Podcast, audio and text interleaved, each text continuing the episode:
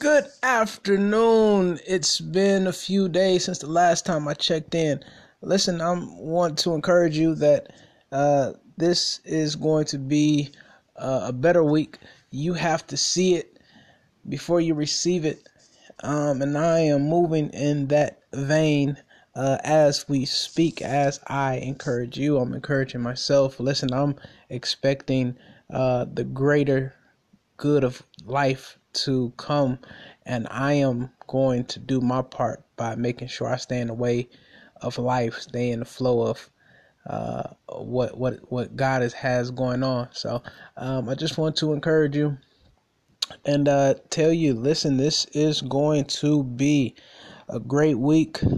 Look for it, expect it, um, anticipate um, be ready for all that is to come um, for you to you, um, and know that everything that you have been through up until this point has been for your good. Um, sometimes uh, God sends us through things and we don't know why exactly we go through what we go through. Um, but give it some time and then it begins to crystallize, and you can now say, okay, I understand why I've been through, or I went through that storm, I went through that test, I went through uh, that dis- that dispute, argument, whatever it may have been.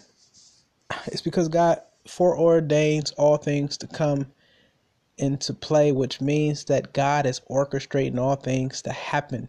God is working behind the scenes. We don't see him, but we have to know that God is active and he is immanent, uh, which means he is among us and he knows everything about you. He knows your troubles. He knows your downtrodden. He knows your thoughts from afar off. Why? Because he is the creator. So that's good news to know that the creator has not forgot about his creation. Sometimes the things move slow and um, that bothers, that gets bothersome. And, and we're trying to figure out why is it taking so long?